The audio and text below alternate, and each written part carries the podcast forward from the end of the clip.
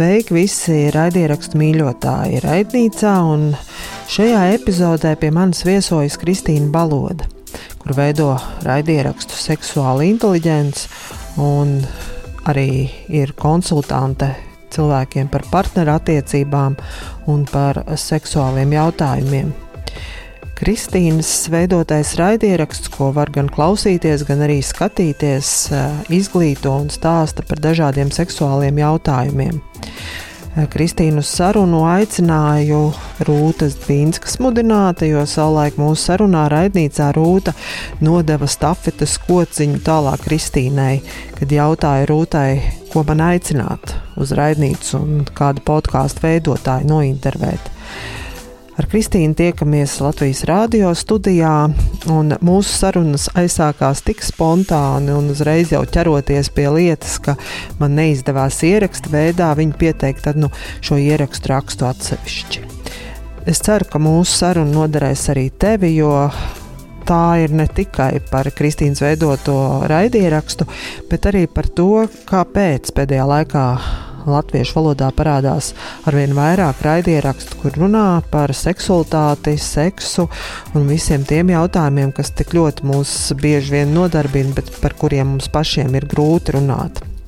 Ceru, ka arī šī saruna tev būs interesanta un ka gūsi jaunas atziņas un uh, iespējams, ka tev būs vēlme arī ar šo raidierakstu dalīties ar citiem, ar saviem draugiem, paziņām un mudināt arī viņus sekot līdzi raidierakstiem par seksu un seksuālo audzināšanu. Protams, arī tā podkāstu ideja, manuprāt, viņa kaut kādā zināmā mērā ir tādās. Uh, nu, dualitātes sprukās. Mēs tik ļoti aizraujamies ar sekošanu līdz citu cilvēku dzīvēm, ka tā mūsu dzīve mēdz iepalikt. Un tad, kad runa iet par tādu seksuālo labklājību, savu seksuālo identitāti, orientāciju, dzimumu identitāti, visiem tiem kompleksajiem apakšjēdzieniem, kuri tad nodrošina mums mūsu privātajā dzīvē kaut kādu labklājības līmeni, tur viņi var būt ļoti tāli no tiem, ko savukārt mēs publiski publiskajā telpā redzam arī tajā pašā sarunās, dzirdam UTT, UTT. Tā kā tur es vairāk gribētu spiest uz profesionālo pusi, jo tas vairāk atbalstīs individualitāti, savukārt čatiņām, čaliņām un saviesīgiem pasākumiem to atkal var atstāt žurnālistu ziņā vai, vai vienkārši entuziastu ziņā, kuriem labprāt tīk to tēmu izzināt un par viņu vairāk domāt, bet jaukt to kopā. Pēc savas pieredzes es redzu, ka tas no vienas puses ir neizbēgami, lai kaut kādā veidā tas iet uz priekšu. Jo, protams, kad tur, kur mums ir kaut kāds atpazīstams personības, kuras runā kaut kādā mērā par šiem jautājumiem, viņi ir kā. Um, savā ziņā gan iedvesmotāji, bet, protams, arī mūsu zinkārības apmierinātāji.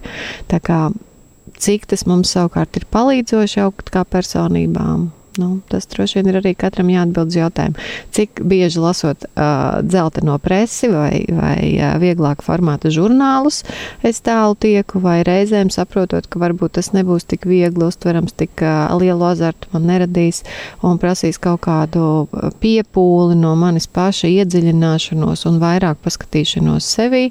Uh, kā tad es to redzu, ko tas man dod. Nu, mums var būt, mēs paņemam žurnālu vai paņemam grāmatu.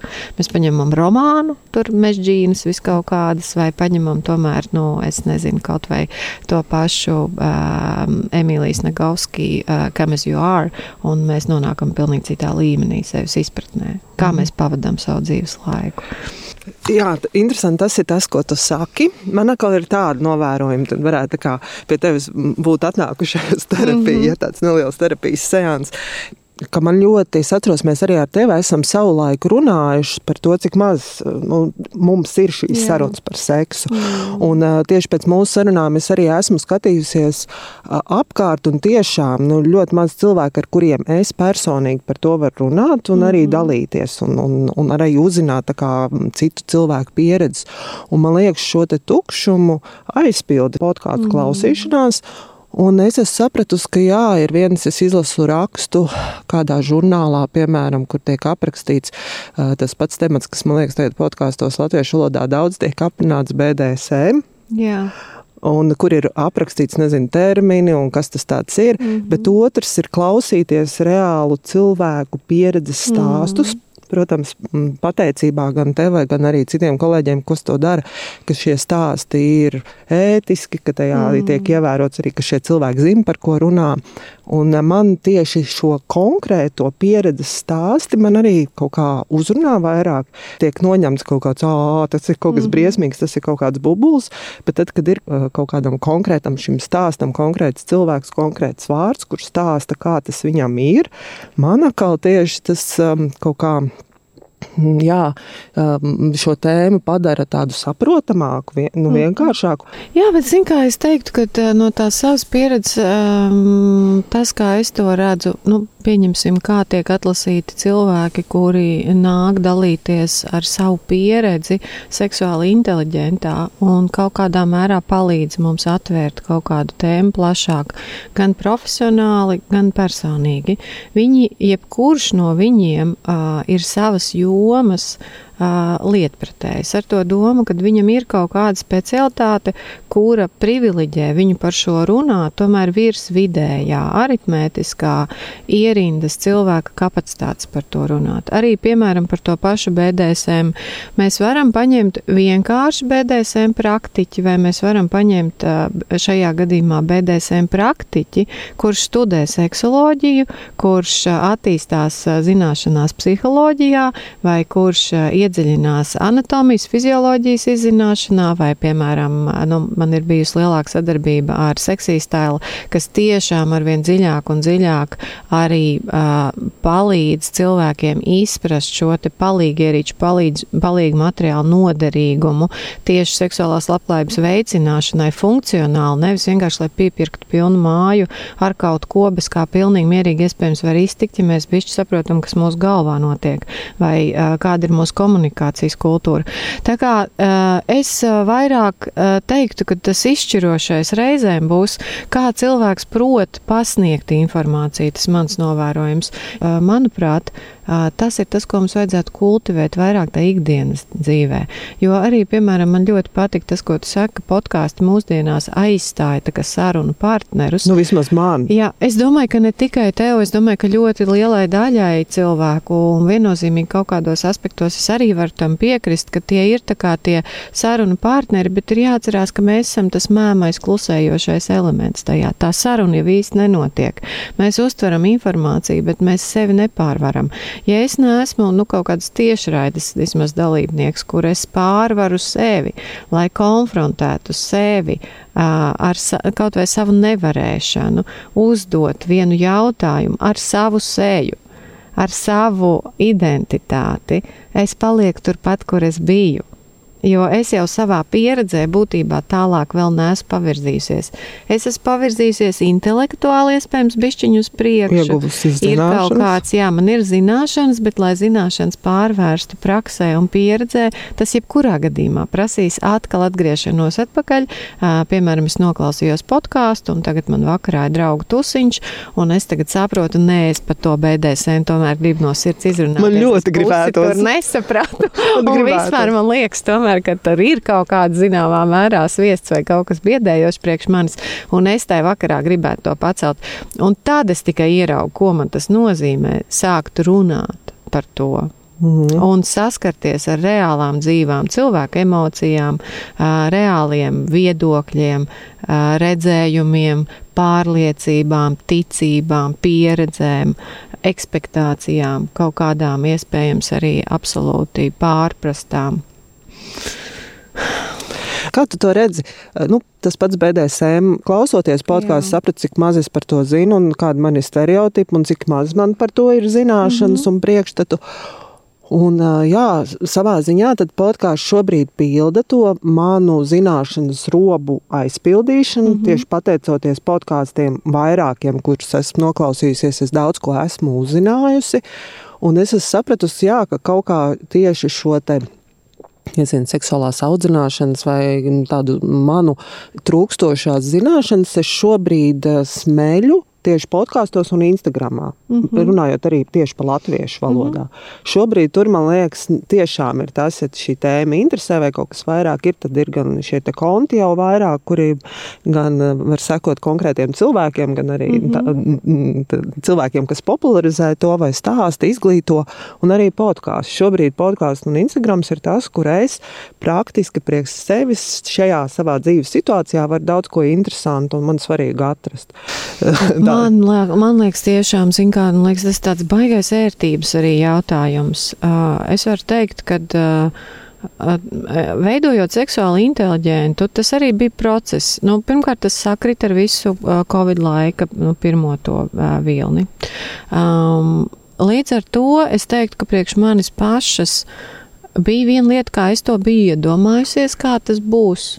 Un pēc tam, veidojot šo video formātu, vēl viņu papildinot, liekot viņam virsū šo informāciju, beigu beigās tik un tā mēs nonācām pie secinājuma, ka lielākā daļa šo podkāstu klausās, kaut arī tur ir daudz vizuālas informācijas, ko mēs varētu uh, nu, pat papildināt, jo mēs tiešām likām virsū uh, gan šos faktus, objektīvu informāciju, paskaidrojošu informāciju tam, par ko mūsu viesi runā. Bet atdūrāmies pret to, ka, uh, redz, tā mūsdienu steidzīgajā laikmetā mēs uh, mēdzam apvienot lietas, un reti, ka cilvēks sēž, viņš tagad tā iekārtojas viesistabas krēslā, paņem savu tējas krūzi un tagad klausās podkāstu. nu, es teiktu, ka Es neesmu dzirdējis, ka kāds tā dara. Parasti griež savu, nu, varbūt, jā, vecmāmiņas, bet tik un tā viņi noteikti tur tīs dzīves rullīt vai šķiros pupas vai kaut ko tur darīs, un tad klausīsies, nu, nezinu, radio vai podkāstu vai kaut ko tam līdzīgu. Es domāju, ka mums jau arī lielākai daļai tas notiek paralēli.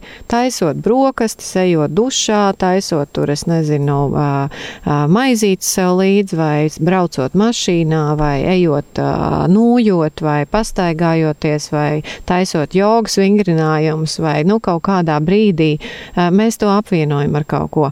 Un es domāju, ka tas zināmā mērā ir tā populārākā mēraukla, kādēļ podkāsti ir tik ejoši. Grāmatu lasīt ir sarežģītāk. Nu, savā ziņā tas ir tā, tev ir tiešām jāsēž, tu nevari, tu lasi grāmatu, lasi grāmatu, tu nevari paralēli darīt vēl kaut kādas lietas. Podkāstu klausīties, kaut ko nedzirdēji, paralēli atpakaļ. Nu, būtībā pati no atpakaļ, euklāte bija kaut kas interesants.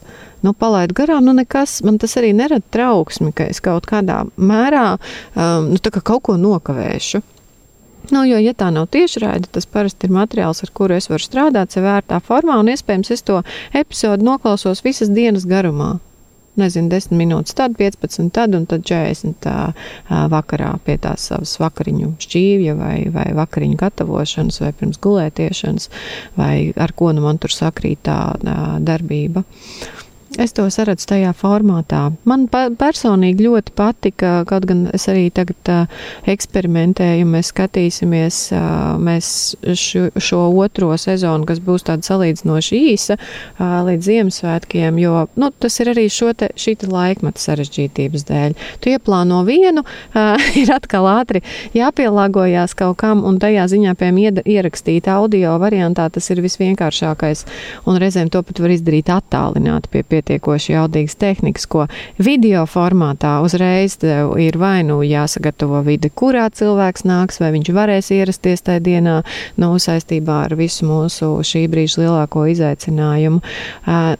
Tas atkal uzliek kaut kādu apgrūtinājumu arī tam radošajam procesam, kā tas to. Bet man seks podkāsts tieši audio patīk labāk, jo kaut kā man liekas, es klausos, Jā. Un it īpaši, ja tos varoņus es nepazīstu, nezinu pat kā izskatās, man vēl ir tāds iztēles variants. Ir īpaši tā tēma, ir, protams, Jā. kā BDSM, kur tu vēl vari kaut ko var piedomāt klāt. Nu, tad kaut kā, kā, te, kā tev liekas par to audio un video? Nu, es tajā saredzu zināmu, es pat teiktu bīstamību ar to audio seksualitāte jau tā ir komplicēta tēma, priekš tā, lai mēs spētu, piemēram, runāt par kaut kādiem mums būtiskiem jautājumiem, uh, uzturot acu kontaktu, uh, nesākot uzreiz krist visās aizsardzībās, kādās mēs mēdzam krist, smieties, ķiķināt, padar, padarīt to tēmu cīnisku, kaut kādā mērā neasociēt ar sevi, demonizēt vai tur uh, vērtēt automātiski. Es drīzāk teiktu, ka tas ir rādītājs, ka mums trūkst tolerances. Uh, jo būtībā viena no būtiskām cilvēciskām pieredzēm ir tikt liecinātam, lai mēs dzīvē justos drošāk, iet tālāk, uh, lai ko mēs tur sadarītu. Un, un cilvēks sadar dzīves laikā zils brīnums, uh, par ko pašam mēdz būt liels pārsteigums, ops, es varu arī šādi. Bet tad, kad šīs mūsu pieredzes tiek liecinātas un tiek pieņemtas un akceptētas, nu, tas ir tas pieņemšanas, integrēšanas milzīgais spēks, ko mums dod klātbūtne. Un tā klātbūtne tajā ziņā, nu, tai, tai acu kontaktā un tai fiziskajā esībā un arī tajā, ka mēs redzam, ka reizēm, piemēram, tas nav viegli ne mums profesionāļiem, ne mūsu viesiem, jo projām runāt par šīm tēmām, kaut gan liekas, ka tā ir ikdiena un tu viņu mal par īņķi, par īņķi, tāpēc, kad katra šūna vēl satur to spriedzi pret viņu sacelties, viņu noliegt, viņu izraidīt. Un šajā ziņā, protams, mēs neredzot to visu, paši jūtamies komfortabli. Jā, jo mēs neredzam otru cilvēku mulsumu, mēs neredzam visas ķermeņa valodu, mikromīmiku, UTT, UTT, bet mums ir ļoti svarīgi viņu redzēt.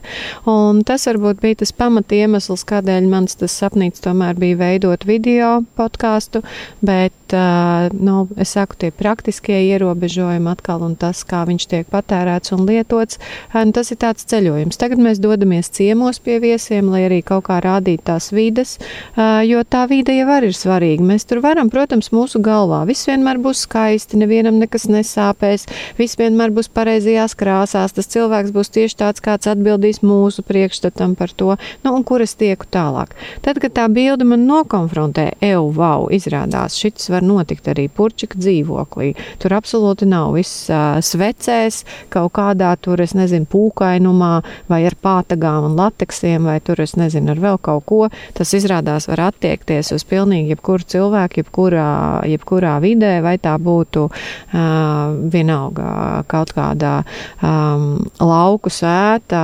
absolūtā nu, ārpilsētas uh, dzīvesveidā, uh, dzīves stilā dzīvojošiem cilvēkiem, vai tā būtu Rīgas centra dzīvoklis ar visu advancēto iekārtojumu un, un vēl specifiskām telpām, kur to var iet mācīties, praktizēt UTT. Tad, kad mēs paliekam ar savu iztēli, mums tur var notikt tikai tas, kas var notikt mūsu iztēlē. Tad, kad mēs ieraugam realitātē, realitāte mūs tomēr konfrontē un rāda, cik tā dzīve tomēr mēdz būt dažāda. Tā kā tik daudz par to vizuālo, un uh, arī tas, ko, kas šobrīd ir tāds digitālais uh, izaicinājums mums visiem, uh, mums stipri pastiprinās uh, dzīve virtuālajā realitātē, savā iztēlē, un mēs viļamies arī seksuālajās attiecībās tajā realitātē, ka tas skar dzīvus cilvēkus tāpēc ka mēs nespējam tolerēt mums reāli, un to arī mums šobrīd pētījumi ļoti labi rāda, ka mēs paliekam ar vien netolerējošāki to spriedzi stresu, ko nozīmē būt līdzās dzīvam cilvēkam un ar seksu vienalga ar kādu seksu, kādas seksuālas darbības ietilptu tai mūsu seksuālajās aktivitātēs nodarboties nevis ar iztēles augli, kur es saku, tur nevienam nekad nekas slikts nav atgadījies, bet ar visām savām maņām, ar otru dzīvu cilvēku cilvēku ar savām ievainotajām komunikācijas prasmēm, kur mums reizēm trūkst elementāras uzmanības spējas koncentrēt vai, vai cieņas vienam pret otru vērtībām vai vajadzībām, vai fizioloģiskas anatomiskas zināšanas trūkst, vai, um, nu, Viss kaut kas mums tur mēdz būt. Vai visādi kauni, priekšstati, nevēlēšanās būt savā ķermenī, vai nespēja pieņemt savu ķermeni tādu, kāds viņš ir realitātē, nevis tādu, kādu es gribu viņu iztēloties, tur lokani kustoties tagad tai savā erotiskajā ainā. Mm. un pretī man tur kaut kāds baigais džedājs, kurš var izpildīt tieši to, ko es jau nepaspēju padomāt, kā viņš jau dara. Mm. Sekojot līdzi Instagram kontu veidotājām, un arī podkāstu veidotājām, jā, tas arī interesanti. Man liekas, ka nu, vismaz, ka mēs sekojam, tās ir sievietes. Es vienmēr abrīnoju to par to viņu drosmi. Nu, ne, nu, es noteikti esmu tas bailīgais, kas nerunā. Jā. Jā, bet es vienmēr esmu pateicīga visām tām, kas runā un kas par to stāsta un dalās. Un, un, Un esmu dzirdējis, nu, īpaši arī Instagramā, ka tur, protams, ir ne tikai tādi, kas, kuriem tas interesē, bet kuriem arī ir viedoklis par sievieti, mm -hmm. kur runā.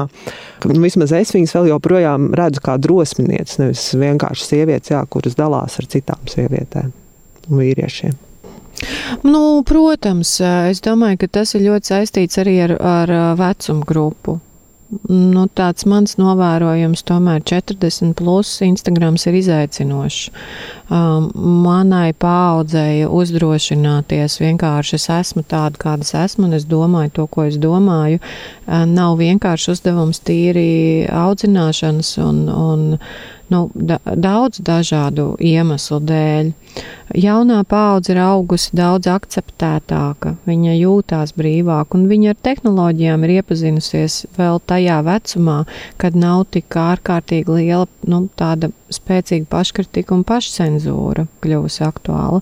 Tā kā, um, protams, kad mēs redzam to, kas spoguļo kādā arī tādā paudžu dinamikā, kur mēs katra paudze esam, un cik mēs kritiski skatāmies un kā mēs atļaujamies vienkārši dalīties, mans viedoklis ir tikai mans viedoklis, pat tad, ja viņš ir profesionālais viedoklis, tā nav nekāda absolūtā patiesība vai kaut kas, ko pieneglot visiem pie sienas un, un pielūgt no līdz nāves šķirs.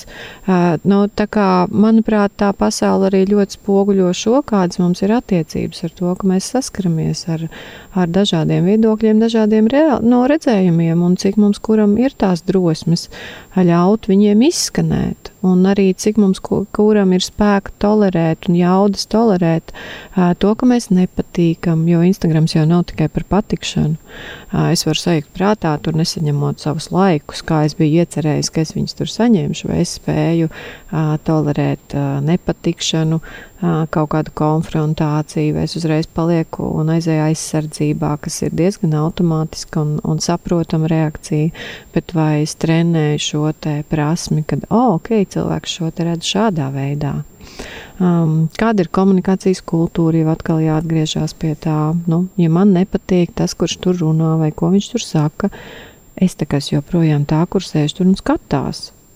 Nu, es iespējams varu izslēgt to podziņu vai pagriezt to savu galvu, uh, bet iespējams tas arī nav mans motīvs. Mans motīvs ir tieši padusmoties uz kādu, uh, pakonfliktēt ar, ar kādu, nokritizēt kādu. Un tad kā mēs mācāmies komunicēt arī ar šo realitātes daļu, arī ar šo aspektu cilvēciskajā, nevis tikai gribam visu laiku puķītas paklājiņus, maidošas sēņas, viss ir tik brīnišķīgi, viss ir tik brīnišķīgi. Nu, tajā jau ir arī zinām tāda uh, idealizācija, kas, protams, nav uh, nu, reālajai cilvēciskajai pasaulē raksturīga. Bet kā tev pašai, arī līdz podkāstam, tu Jā. publiskajā telpā runāji par seksu, Jā. tevi intervēja, tu stāstīji, mm. atbildēji uz jautājumiem. Un, tā kā nebija tā, ka tev bija tāds pēkšņs iznāciens un viss mm. atklāja. Kā tieši podkāstu veidošana un arī tas, ka podkāsts arī aktīvi ir Instagramā, kā un arī video versija tāda ir, vai tas kaut kādā veidā kaut ko ir mainījis tavā personīgajā vai arī profesionālajā Mm. Viennozīmīgi, viennozīmīgi. Es esmu ļoti pateicīga šai pieredzē, jo, protams, kad tā pieredze ir transformējusi arī daudzus manus kompleksus, nevarēšanas, arī kaut kādas iestrēgšanas kaut kādā savā priekšstatā par sevi, savās pārliecībās, kādai tad man vajadzētu būt, vai arī kaut vai viennozīmīgi šī došana prom. Nu, ar to domu, kad uh, saprast, ka es radu kaut ko, kas iespējams kādam noderēs, iespējams tas nebūs vajadzīgs. Es to uzzināšu tikai to sākot darīt. Es daudzus gadus to darīju, atbalstot dažādus mēdījus un, un piekrītot sarunām, jebkur vai tās ir bijušas konferences, vai tie ir bijuši, nu, vai tās ir bijušas intervijas vai raksti vai, vai, nu, vai lekcijas, jebkādā veidā. Tā bija mana iespēja arī runāt vairāk par to, kā es redzu, ko es gribētu runāt, kas nebūs vairs tik ļoti atkarīgs apmierināt to pieprasījumu, bet vairāk radīt pašai savu saturu, kurš, kuru, piemēram, es dzirdu konsultācijās, kas atkārtojas, atkārtojas, atkārtojas, un neviens to saturu īsti nepiedāvā, un tā kā beidzot pārspridzināt to burbuli, nu, tā teikt, kolektīvi, jo, nu, tāds mans dziļi personīgs motīvs bija absolūti subjektīvs, tā bija tāda vienā brīdī, nogurums un nespēja vairs tolerēt, runāt un redzēt cilvēku ciešanas apkārt vieniem un tiem pašiem jautājumiem. Un savā ziņā man ir tas instruments un iespēja, kā to balonu pārspridzināt un kaut kādā sava iestagnējušā no darba formāta dēļ es to nedaru. Nu, un, un tas ļoti brīnišķīgi arī uzsprāga un tādā ziņā ņemot vērā salīdzinoši, nu es teiktu, no manas tāda influencera vai, vai sociālo tīklu vadītāja ir galīgi ārkārtīgi švaka, un, un man ir asistents. Un, Un pirmo intensīvāko to darbu daudz iesaistījās arī Maksims, bet nu, arī, arī operātora darbs un, un montāžas darbs. Nu, mēs bijām tāda komanda, kuri tā kā stūma uz priekšu kaut ko, par ko nevienam nu, tur nebija tādas daudz maz nojausmas, kas tas vispār tāds būs un kas tur no tā visa sanāks. Un tagad, kad ir ieraudzīts, cik tas izrādās ir bijis daudziem cilvēkiem noderīgi un forši, protams, tā ir tā gandarījuma sajūta, bet, nu, Nu, man laikam nav raksturīgs tāds vispār piesaisti kaut kam vienam, ka man vajadzētu tagad, kad pienākumu apziņu to turpināt darīt tieši tādā veidā. Tāpēc es saku, ja pirmo sezonu man likās interesanti uh, aicināt cilvēkus pie sevis, lai kaut kā iedrošinātu, tad tagad man liekas ir forši jau ieto nākamo soli, ka mēs ejam pie cilvēkiem un viņi atverās arī savā vidē, savā telpā, vairāk var parādīt tas, to, ko viņi dara. Mums bija, mēs iztaigājām gan šīs te BDSM praktiķu telpas, un, un tagad tas nākošais mūsu tēma būs par tantru kas ar manuprāt ir tāds, nu, ja BDSM ir viens bubulis, tad tantrē ir kā otrs bubulis. viens ir kaut kādiem garīgajiem, un otrs ir kaut kādiem absolūti pazaudētiem cilvēkiem. nu, tā kā tie, tie priekšstati, un tad man likās forši, nu, ok, ejam skatāmies, kas mums ir kaut kādi tantras praktiķi vai arī entuziasti un mēģinātāji, un uh, ejam skatāmies tās vides, kā, kā tas notiek. Kā, mēģināsim kāpt atkal tajā iekšā. Nu, manuprāt, viss, kas ir, ir dzīves, ir mainīgs, un, un es ceru, ka arī nu, tā podkāstu ideja transformēsies. Es pati šobrīd daudz vairāk jau sāku strādāt pie tāda es pat viņu vairs nevaru nosaukt par uh, lekciju ciklu, bet vairāk apmācības programmu. Nu, ar to domu, ka seksuālā izglītība, kuras mums nav bijusi, pamazām uh, Es ap viņu čubinos, un, un ir diezgan jau tāda skaidra, skaidrs aprises ieguvusi programma, kurai izējot cauri. Uh, cilvēkam vajadzētu būt jau citā, gan pašuztveres līmenī, gan arī spējā reflektēt par šo te. Nu, tas ir tas, kā es caur podkāstu sajūtu, kur tā dinamika ved tālāk. Kas notiek klientu darbā, kas notiek apkārt podkāstam, kur jau prasās, tagad mēs esam višķiņi aptaustījušies, ok, nepalaižam vaļā, nav te ko arī iesūnot, ejam tālāk. Un, manuprāt, tas ir arī forši, ka sāk veidoties šie podkāsti apkārt, kur arī sāk runāt par seksualitāti aktualitātes tēmu, jo m, mm, ir forši piederēt kaut kādai cilvēku grupai. Nu, es par to ļoti, ļoti priecājos. Varbūt tāpēc, ka man daudzus gadus ir bijusi tā sajūta, ka tie seksuālās labklājības entuziasti ir tādi traipi uz Latvijas skatuves, un, un viņi ir tik dažādi, un, un savā ziņā tāds tīklojums nav īsti izveidojies, tad, manuprāt, tagad apzinātāk vai neapzinātāk, tiešāk vai netiešāk, bet tas tīklojums sāk veidoties. Man ir milzīgs prieks kaut vai redzot, piemēram, seksuāli inteliģenta sekotājos, cik daudziem cilvēkiem šī tēma kaut kādā specifiskā jomā, vai kāds tur organizē kaut kādus retrītus, kas ir saistīti vairāk ar sensuālām sajūtām un viņu izzināšanu, vai nu, kaut kādas nianses, kas varbūt vairāk ir saistīts ar kinka pasauli, vai tas ir kaut kas, kas ir vairāk saistīts ar anatomiju anatomijas izpratni, vai tādu mentālo stiprināšanu, vai to, kā šī joma, piemēram, atspoguļojās kaut kādā industrijā. Nu, man tādā ziņā ļoti, ļoti simpatizē to, tas, kā Mārs Leja runā no ļoti dažādiem aspektiem šo tēmu, ieintegrējot arī tajā, kā viņa dzīvo, ko viņa dara, kas viņai rūp. Un man liekas, tas ir brīnišķīgi. Sāk aktivizēties ārsti arvien vairāk un, un padarīt to cilvēciski pieejamāku. Nu tā, tā kā man liekas, tas podkāstu bariņš paliek biezāks, tas nozīmē, ka seksuāla inteliģence var iet tālāk un, un iespējams radīt nākošo produktu, kas uh, izskatītos jau savādāk un piedāvātu cilvēkam uh, jau iespējams atkal citā līmenī šo tēmu ņemt, tvert, lietot un attīstīties tajā.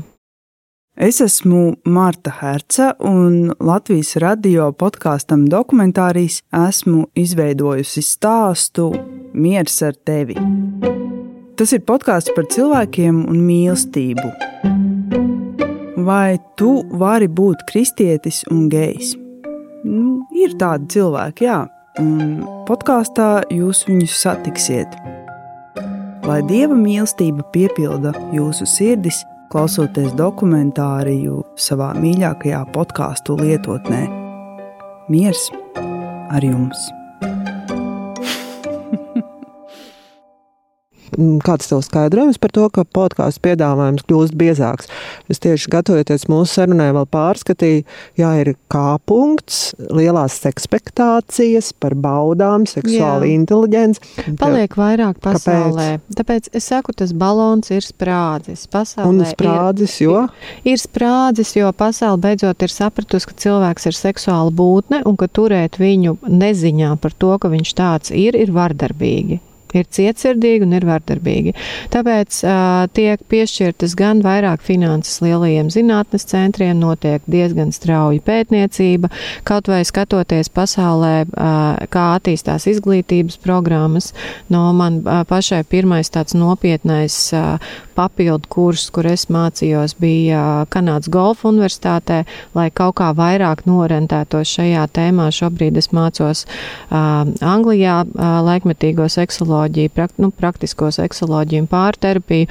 Um, cilvēkiem rodās iespēja, uh, es nezinu, kā latviski to tā kaut kā korektāk pārtulkot, bet, piemēram, sex education, seksuālā izglītība un tie seksuālās izglītības speciālisti projekti zem dažādiem nosaukumiem sāk palikt ar vien populārāki un populārāki. Programmas ir īsākas, garākas, viņas paliek ļoti dažādas, lai katra profesija, piemēram, var piemācīties klāt.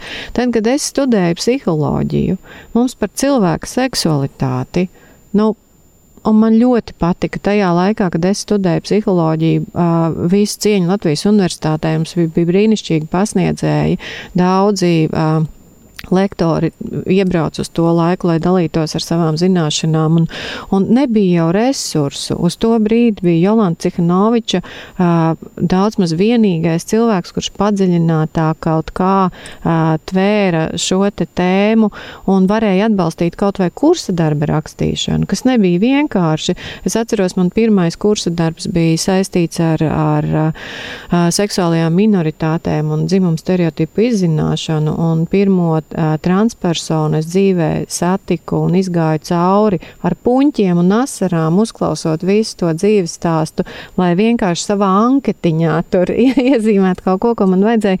Tas ir bijis tāds wow, liels, liels ceļojums arī priekš mums visiem apzināties, ko nozīmē izglītības pieejamība.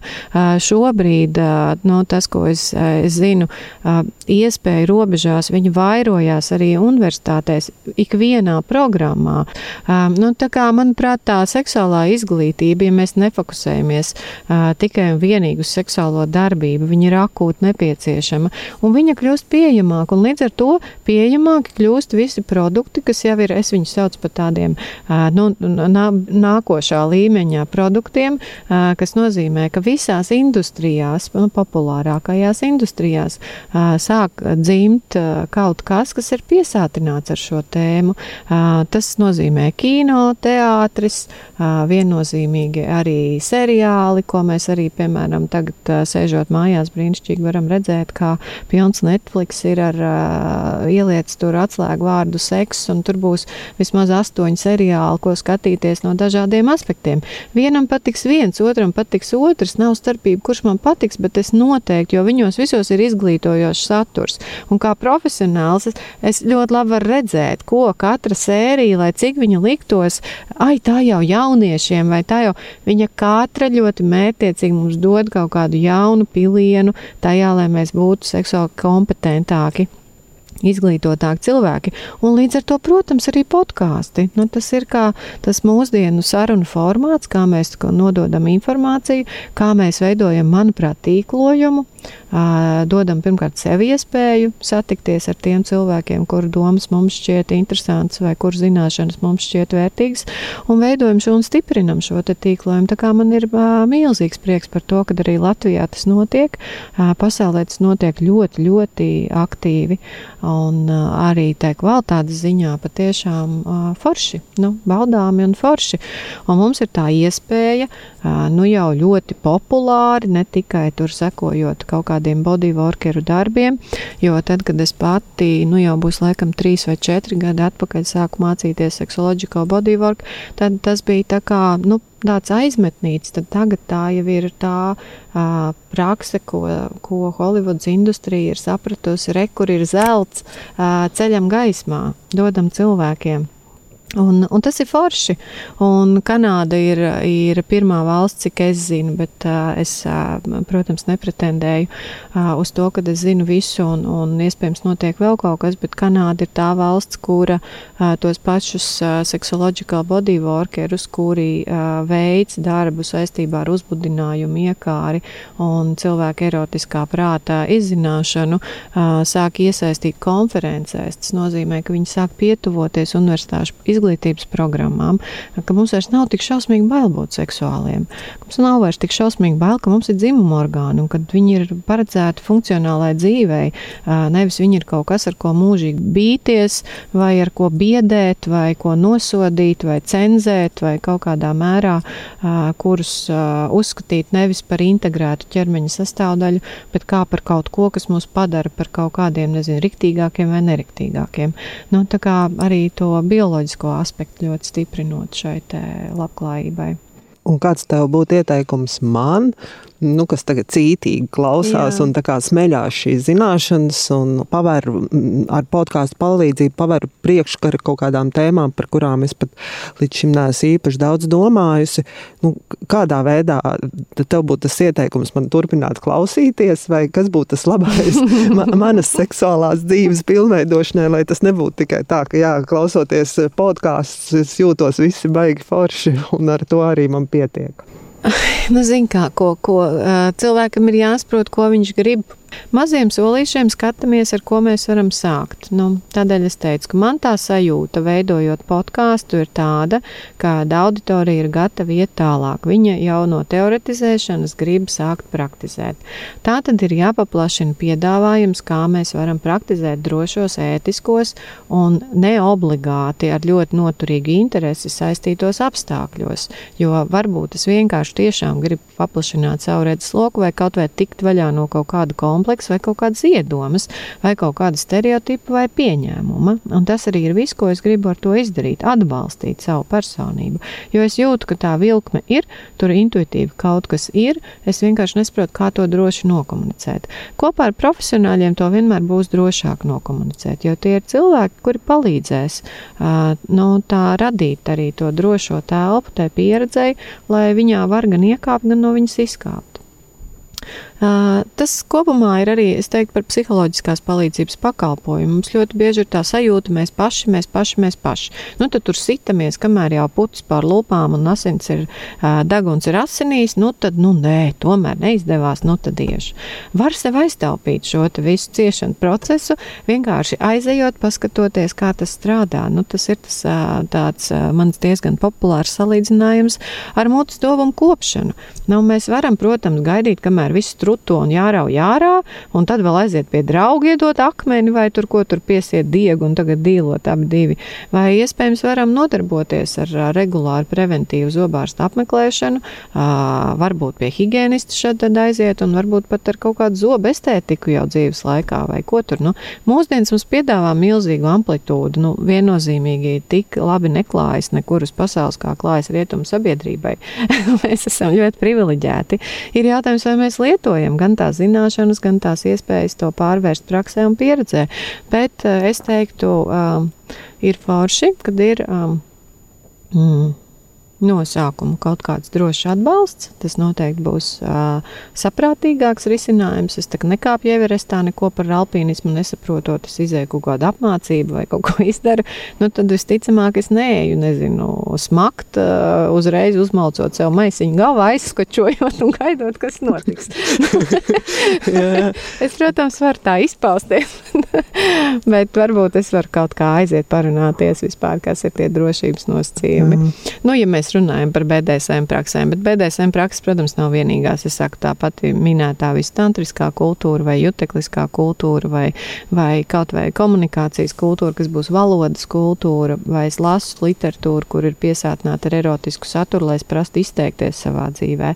Uh, starp citu, tai pašai par baudām podkāstu veidotājai Ievai Sīmanai ir Tas, kā es redzu, ļoti cilvēcisks, foršs, nu, tas viņas radošais materiāls, ar ko viņa dalās, kas var palīdzēt iespējams sākt veidot savējo. Kā tad es kaut vai to fantāziju izsaku vārdos, kas tas ir pa vārdu krājumu, cik viņš ir niansēts, cik viņš ir detalizēts. Um, kur tur ir pārsteiguma moments un kur tur ir kaut kas, ko es uh, ieplānoju un sakārtoju, lai vienkārši laustu sevī to stereotipu, ka pieaudzis cilvēks nedrīkst plānot seksuālu aktivitāti, jo tad tam nav saistības ar spontanitāti, mīlestību un tur vēl kaut ko. Bet uh, iemācoties nokomunicēt to vienkārši iespējams erotiskā veidā, lai tas mums pašiem šķiet seksīgi pēc būtības par to runāt, nu, rosinoši pēc būtības par to runāt, nevis uh, caur nosodījumu, aizvainojumu, apvainošanos vai kaut kādu pieprasīšanu, nu, kas ļoti bieži, jebkurā gadījumā, ja cilvēks dzīvo trūkumā, agri vai vēlu, ienāk arī mūsu attiecībās. Tā kā tā, sākt pamazām skatīties, ar ko es varu praktizēt, un nesākt praktizēt ar, ar Everestu, bet iespējams ar mūsu gaiziņu, nu, uzvelku vismaz ērtas botas un eju pastaigāties, lai saprastu, cik vispār vispār man ir noturības, kā sirds tur, un, un vai jumts neaizbrauc no, no pārāk lielas zaļās krāsas klātbūtnes manā dzīvē. tā, kā, tā kā tā kaut kā. Jā, bet vai tev ir kādi ieteikumi podkāstiem, ko klausīties, ja man ir vēlme vēl kaut ko atrast? Mm. Nu, man personīgi, tiem, kas angliski klausās, man patīk Emīlija Nagovskija tas, ko viņa, nu, ja mēs runājam par seksualitātes tēmu, jo viņa ir se seksuālās izglītības speciālists un ļoti, ļoti. Jo īpaši sieviešu auditorijai varētu būt vērtīgi, jo Emīlija ļoti lielu uzmanību pievērš tieši tam, kāds izaicinājums ir sievietei. Uh, viņas attiecībās ar viņas seksualitāti, tīpaši, ja mēs nerunājam vairs par jaunu meiteni, bet par uh, dzīvi piedzīvojušu, iespējams, ilgtermiņa attiecībās dzīvojošu uh, sievieti. Tā kā, tā kā tas būtu varbūt tas, uz ko es uh, varētu likt uh, uzsvaru. Uh, Zini, kas ir tāds, ko, ja kāds zina, es arī labprāt gribētu uzzināt. Man ir liels jautājums pašai ar vien aktuālāks. Mums tā seksuāli inteliģenta auditorija mm, nu, ir daudz maz, es teiktu, tāda iekļaujoša. Visus dzimumus, orientācijas, un tur ir diezgan tāda krāsainība. Bet kopumā man ļoti tiešām interesētu, kā atbalstīt uh, vīrieti tajā, lai viņam ir interesanti izglītoties vispirms šajos jautājumos, jo tas, ar ko es atduros uh, savā praksē, ir tomēr šī šķelšanās, tāda dzimuma šķelšanās. Un es teiktu, ja sievietē pat no tāda, varbūt pat tādas dabiskākas zinātkāres, Un netik ļoti nostiprinātas, iemācītas pārliecības, ka es esmu noticis gadījums un visu jau šai dzīvē zinu, un vēl visus iemācīšu, kā viņiem vajadzētu būt. Es saredzu, ka vīriešu autorijai ļoti bieži stāv ceļā tā tendenciozā joprojām redzēšana, ka cilvēki manā dzīvē, ja tā man mīļotā uh, sieviete ir kā tāds objekts, ko es lietoju savu vajadzību apmierināšanai, uh, ir milzīgs čērslis attiecībām, kurās var būt kaut kāda plūsma, cirkulācija un kopēja izaugsme.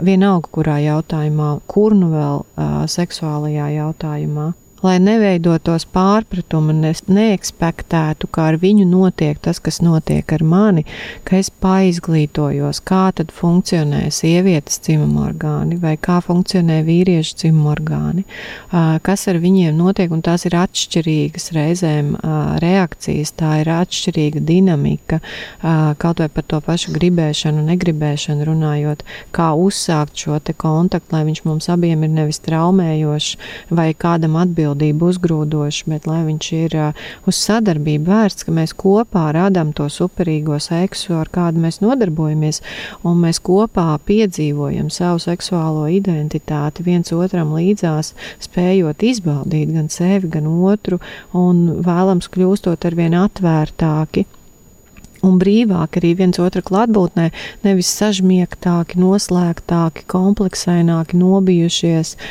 nosodīti UTT, UTT. Tā kā, nu, mana personīgā interese, kur man liekas vēl ir stipri pamaz, tā kā, um, kas varbūt tiešām ir arī ļoti, ļoti saistīts ar tieši šo vīriešu kūtrumu podkāstu pasaulē. Un varbūt tas nav vīriešu formāts, jo, jo, kā es redzu, tad vismaz vīrieši vīrieši manā tuvākajā vidē vairāk ir YouTube lietotāji, TikTok lietotāji, video materiālu lietotāji. Tā kā tur varbūt tai vizualizācijai ir daudz lielāka nozīme, lai tas kļūtu uh, pieejamāks vīrietim, bet kur tas saturs būtu tomēr izglītojošs. Nu tā, bet ieteikt, ko tur es saku, tā, tur tāds vēl joprojām diezgan liels tukšums. Un sarunas noslēgumā, pirms vairākām epizodēm podkāstā Raidnīca, es runāju Rūtu Dvīnsku. Viņai stafetes kociņu aicināt uz Raidnīcu nodevā, vai viegli būt podkāstu veidotāju. Jā. Un tad Rūta domāja par to, kam nodot to stafetes kociņu, un viņa nodeva tev.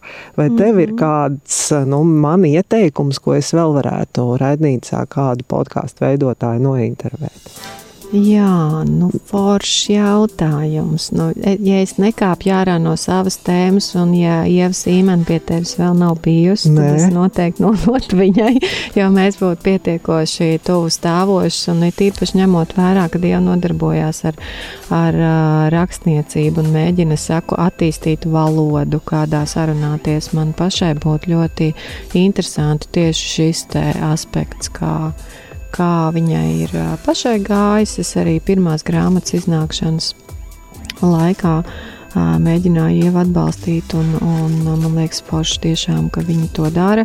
Tā kā mm, es domāju, ka tas ir kaut kas, kas varētu būt noderīgi, lai mums tas vārdu krājums, valoda ir bagātāka, izteiksmes forma līdz ar to brīvāka. Mm.